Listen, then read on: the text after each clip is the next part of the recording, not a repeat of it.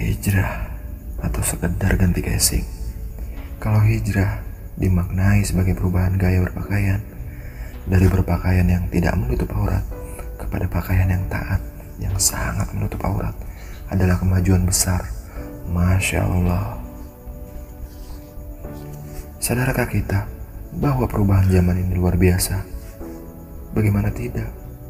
Dahulu, sangat sedikit wanita muslimah yang berhijab di antara mereka banyak yang dicurigai macam-macam. Hijab adalah barang asing. Seiring berjalan waktu, mulai banyak muslimah yang berhijab. Walaupun cibiran dan hinaan, ya masih kerap mereka dapatkan. Namun sudah banyak juga orang yang menerima hijab. Sekarang, hijab bukan lagi barang asing. Bahkan hampir setiap saat kita temui kata syari melekat mendampinginya. Dapat kita saksikan betapa banyak toko online yang menggelar lapak berjudul hijab syari. Begitu banyak kita temui mode-mode baru bermunculan dengan berbagai macam gaya dan beraneka ragam warna. Ya, hijab.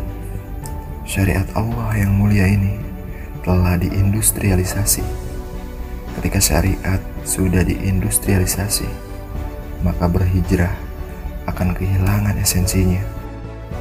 Orang-orang akan lupa tentang kesederhanaan dalam berpakaian. Lupa akan makna hijab yang sebenarnya. Menutup bukan mempercantik. Mau tidak mau, kita harus mengakui bahwa banyak pelaku hijrah yang terjerembab dalam tren berpakaian ini.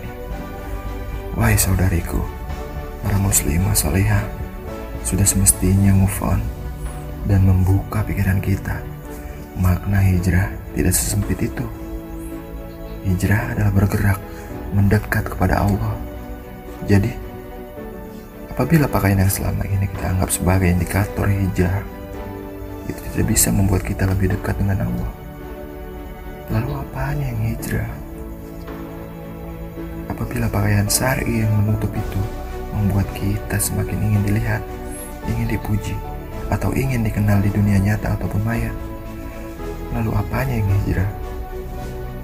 Apabila pakaian yang kita kenakan itu membuat kita tampil lebih cantik dengan mode dan warna menarik ala-ala zaman now, lalu apanya yang hijrah? Lupakah kita dengan perkataan sahabat mulia Mu'ad bin Anas radhiyallahu anhu?